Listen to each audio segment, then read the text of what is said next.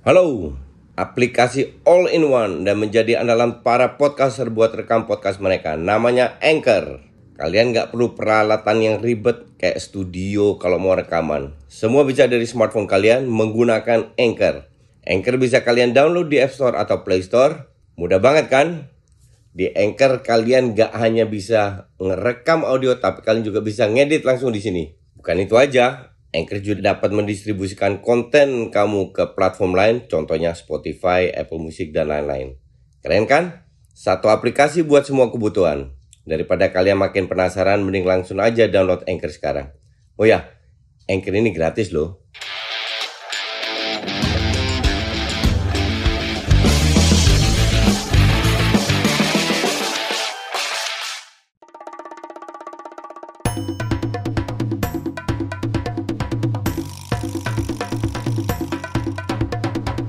Kini Podcast Network. Hola, salam Just Talk. Gue kali ini bahas tiga pertandingan. Tiga pertandingan Inggris, Iran, Belanda, Senegal yang sangat amat seru. Terus uh, Amerika, Wales. Oke, okay? kita mulai dengan uh, Inggris dulu. Inggris turun dengan pemain yang disukai uh, sama Southgate. Jadi bukan pemain yang lagi on fire, lagi on top form yaitu Shaw di kiri, Trippier di kanan, Maguire yang nyaris nggak pernah main di tengah dengan John Stones. Kipernya Pickford, bukan Ramsdale tapi Pickford. Oke. Okay? Dua pivot, Rice dan uh, Bellingham. Tiga di depannya uh, attacking player itu striker Harry Kane pastinya. Terus uh, Sterling di kiri, Bukayo Saka dan juga Mason Mount. Ya, Mason Mount dalam posisi ini harusnya dia itu lebih nyaman karena dia dapat lebih banyak space. Oke, okay? didukung sama Bellingham yang lebih attacking. Tapi kalau kita lihat di uh, berapa menit pertama ya, uh, di 20 menit, 15 menit pertama itu Inggris pegang bola, but that's it gak ada trupas, gak ada skill individu, gak ada kombinasi, nothing. Mereka hanya mutar, mutar, mutar, mutar. Kenapa? Salah satu alasan karena Bellingham sama si siapa namanya uh, si siapa itu namanya lagi Declan Rice sama De De Declan Rice itu lebih berdiri di depan defendernya? Okay? Pada saat mereka dapat bola, mereka di press main aman. Jadi pada saat mereka dapat ruang untuk melakukan distribusi, pemain itu ke cover semua Mason Mount dan lain Mason Mount main jelek by the way. Yang nggak jelek tapi tidak seperti pemain lainnya. Pemain Inggris itu rata-rata oke okay lah semua rata. Cuman gue nggak nyangka ya, asli gue nggak nyangka Iran separah itu. Kemarin kita sudah nonton Qatar, wakil Asia pertama Oke. Okay? Itu ancur-ancuran. Itu sampai di, di media Prancis, media Inggris, media Belanda dihantam habis-habisan Qatar itu. Bener-bener try out atau empat bulan latihan di uh, Spanyol di mana itu nggak ada passing aja amburadul. Ini ini uh, apa namanya Iran ini kan salah satu tim terkuat di Asia. Fisiknya fisik Eropa banyak pemain main di Eropa jadi gue pikir wah ini Iran mungkin punya peluang ya. Tapi kalau lihat Iran aduh Iran mending jualan kacang goreng aja di Qatar lebih cocok. Parah banget. Asli parah banget. This I don't understand. Lu coba ngepres Inggris dengan 2-3 pemain artinya gampang sekali keluar oke? Okay? gampang sekali keluar dan 2-3 pemain ini ada di depan kan tapi ini karena Inggris lelet aja, nggak dapat banyak peluang. Nah, peluang pertama itu dari crossing. Bellingham 1-0. Peluang kedua dari corner kick. Di heading sama Maguire, kembali ke Bukayo Saka, shooting. Keren golnya. Peluang ketiga dari sayap Harry Kane keren juga golnya tapi dari sayap oke okay? nah Terus keempat udah udah 4-0 pra, praktis selesai. 4-1 golnya keren banget dari Mehdi. Ini salah siapa? Maguire. 5-1 6-1. 4-0 itu sebenarnya udah udah udah selesai lah apa apalagi pas 5-1. Nah, Maguire ini bagus dari sisi defense, tapi serangnya kemarin nggak begitu kecuali satu trupas yang yang me melahirkan gol pertama. Dan Maguire itu cedera ya, makanya di, di ganti Eric Dyer. Tapi karena lawannya bapuknya bapuk, seolah-olah satu timnas Inggris ini hebat. Padahal they don't create chances banyak loh satu peluang di babak pertama kena mistar heading lagi. Jadi banyak sekali peluang dari bola-bola atas. Heading kena mistar. Habis itu shooting ke sampingnya uh, si si Mount masuk ke tiang pertama shooting ke samping. That's it. Tapi setelah itu mereka dapat tiga peluang, tiga gol. Jadi they don't really create chances. Nah, kalau dibilang Inggris main bagus, enggak. Gue bilang tidak karena Iran aja terlalu parah. Mereka nggak tahu apakah mereka harus ngepres ataukah mereka harus zona. Kalau ngepres tengah-tengah sehingga terjadi ba banyak ruang, ngepres di di dilewatin belakang zona. They don't know what to do. Dan mereka tidak bisa pegang bola lebih dari 5 detik, 4 detik mungkin. Tiap kali hilang, hilang, hilang, hilang. Dapat peluang sekali, jangan box, shootingnya gue nggak ngerti ke mana.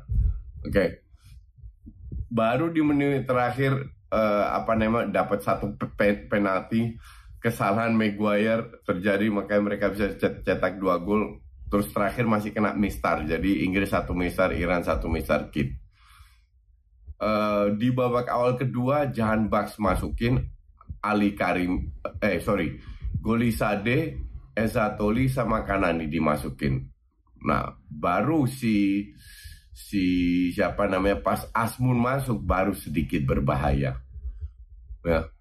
Asmun ini baru cedera pemain Leverkusen tapi secara overall ya this is not a Iran ini nothing. Iran ini gue rasa mereka lebih happy kalau jualan kacang goreng di Qatar daripada harus main bola. Karena benar-benar menyedihkan.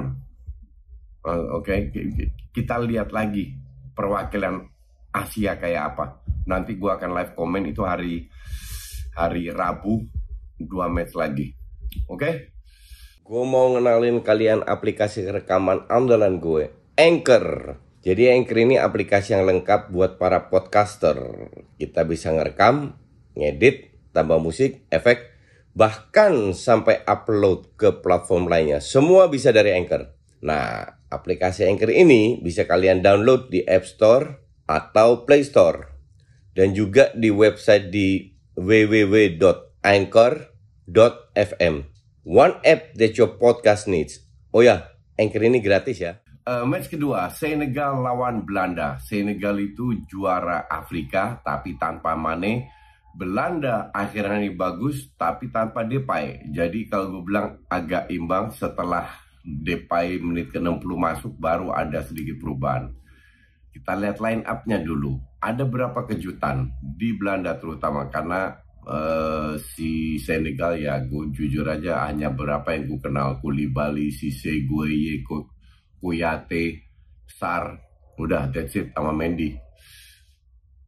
Belanda pasang akhirnya Nopet. Kenapa gue selalu di DP dan gue harap Nopet Nopet Nopet ini tingginya 2 meter 3 cm. Artinya uh, reach-nya itu jauh sekali dan kelihatan dua peluang yang didapatkan Senegal satu sudut kecil di pojok itu dia dia dia dapat eh enggak eh, dua peluang dua atau tiga peluang lah. Itu satu di pojok dan dia itu benar-benar dapat tiga peluang ding. Tiga peluang dari Senegal satu ke arah kiper satu ke pojok satu da da dari tengah. Kalau kiper lain feeling gue itu bisa masuk karena bolanya benar-benar di di pojok. Uh, Belanda main 3-4-3 tapi tiga depannya itu dua striker dan Gakpo di nomor 10 oke? Okay? nah kejutan kedua Timber nggak main tapi Ligt main Timber itu membangun serangan lebih bagus daripada Ligt jauh lebih bagus defense-nya ya 11-12 tapi Ligt kemarin jeleknya minta ampun benar-benar diobok-obok di babak pertama Masar ini. Di babak kedua serangan justru lebih sering dari kanan. Kalau dari kiri lagi bisa dap kali dapat dia dapat uh, dua kali kuning dan merah. Asli ini blundernya Van Gaal pasang delik bukan uh, uh, Timber dan akhirnya Dumfries nggak ke mana-mana juga juga karena Delik kurang kurang mendukung Dumfries. Itu di tengah. Nah, kejutan kedua di sampingnya karena ada empat, empat pemain di tengah. Blind di kiri, Dumfries di kanan. Di tengah Diong sampingnya malah Berghuis. Bukan The Roan atau Cope Minus Berghuis ini salah satu yang tenggelam di lini tengah di babak pertama terutama sampai dia keluar di menit 79 uh, gak kelihatan. Gakpo ya so-so lah. Di depan Janssen sama Bergwijn ini kayak kayak saling nggak kenal aja nih dua pemain. Nggak ada kerjasamanya nothing. Tapi Senegal ini juga nggak hebat-hebat amat. Di babak pertama awal-awal itu imbang. Cuman mereka bisa pegang bola kehilangan si Mane itu kerasa banget terutama kreativitas di depan gak ada belas di babak pertama Belanda tambah lama pertandingan berjalan, tambah menguasai dan tambah banyak peluang. Ada gue hitung tiga peluang. Uh, apa namanya dari sayap dari si Gakpo kasih Bergwijn agak agak ke belakang terus uh, Frankie Dion berhadapan dia nggak syuting terus ada berapa peluang yang cukup bagus lah sehingga Senegal ini cuma bisa menunggu nggak dapat gol juga Nah, akhirnya di babak kedua, gue pikir ada perubahan apa? Kagak ada perubahan sama sekali. Dan mainnya jelek banget di babak kedua Belanda. Sampai gue pikir, nah ini seri udah oke okay lah lawan Senegal karena kita lihat uh, Qatar sama Ekuador harusnya si uh, Senegal sama Belanda yang lolos ya. Jadi kalau seri pun bukan hal yang fatal lah. Tapi satu crossing dari Frankie De Jong di heading sama Gakpo which is itu salahnya Mendy. Gol. Pikir gol jatuh dari langit. Apakah mereka Senegal dapat banyak peluang? Kagak juga. Karena seperti yang gue bilang tadi peluang mereka itu setengah ya peluang kecil lah praktis nggak ada peluang karena heading heading pun di depan nggak menang menangnya heading di di, di belakang uh, apa namanya nggak bisa berharap juga banyak dari dari Senegal ini. Mereka nggak jelek. Senegal nggak jelek, standar. Belanda agak menurun sehingga terutama di di babak kedua lebih equal. Cuman peluang sedikit yang didapatkan oleh Belanda itu mereka bisa cetak dua gol. Jadi Belanda murni menang efektivitas, bukan permainan. Dan gua harap ke depannya itu lawan Ekuador, Van Gaal itu berubah. Satu, tim bermain lagi. Kedua, sampingnya Berghuis, itu si Cope Miners atau si siapa namanya, uh, Derong. Nah, Berghuis mending main di sayap kanan, Bergwijn di kiri, Gakpo uh, apa namanya di uh, kok Gakpo si Depay di tengah. Tanpa Gakpo, karena atau kalau mau mainin Gakpo, Gakpo dari kiri, Bergwijn di kanan. Karena biar Dumfries nggak tenggelam sendirian di di kanan. Timber minimal bisa mendukung Dumfries itu udah berkali-kali kelihatan. Sekarang tanpa real winger, Dumfries itu kasihan. Udah main nggak begitu bagus, akhirnya dia cuma lari-lari doang. Nggak nggak ada yang ngebantu sama sekali. Berghuis itu nggak kelihatan sama sekali.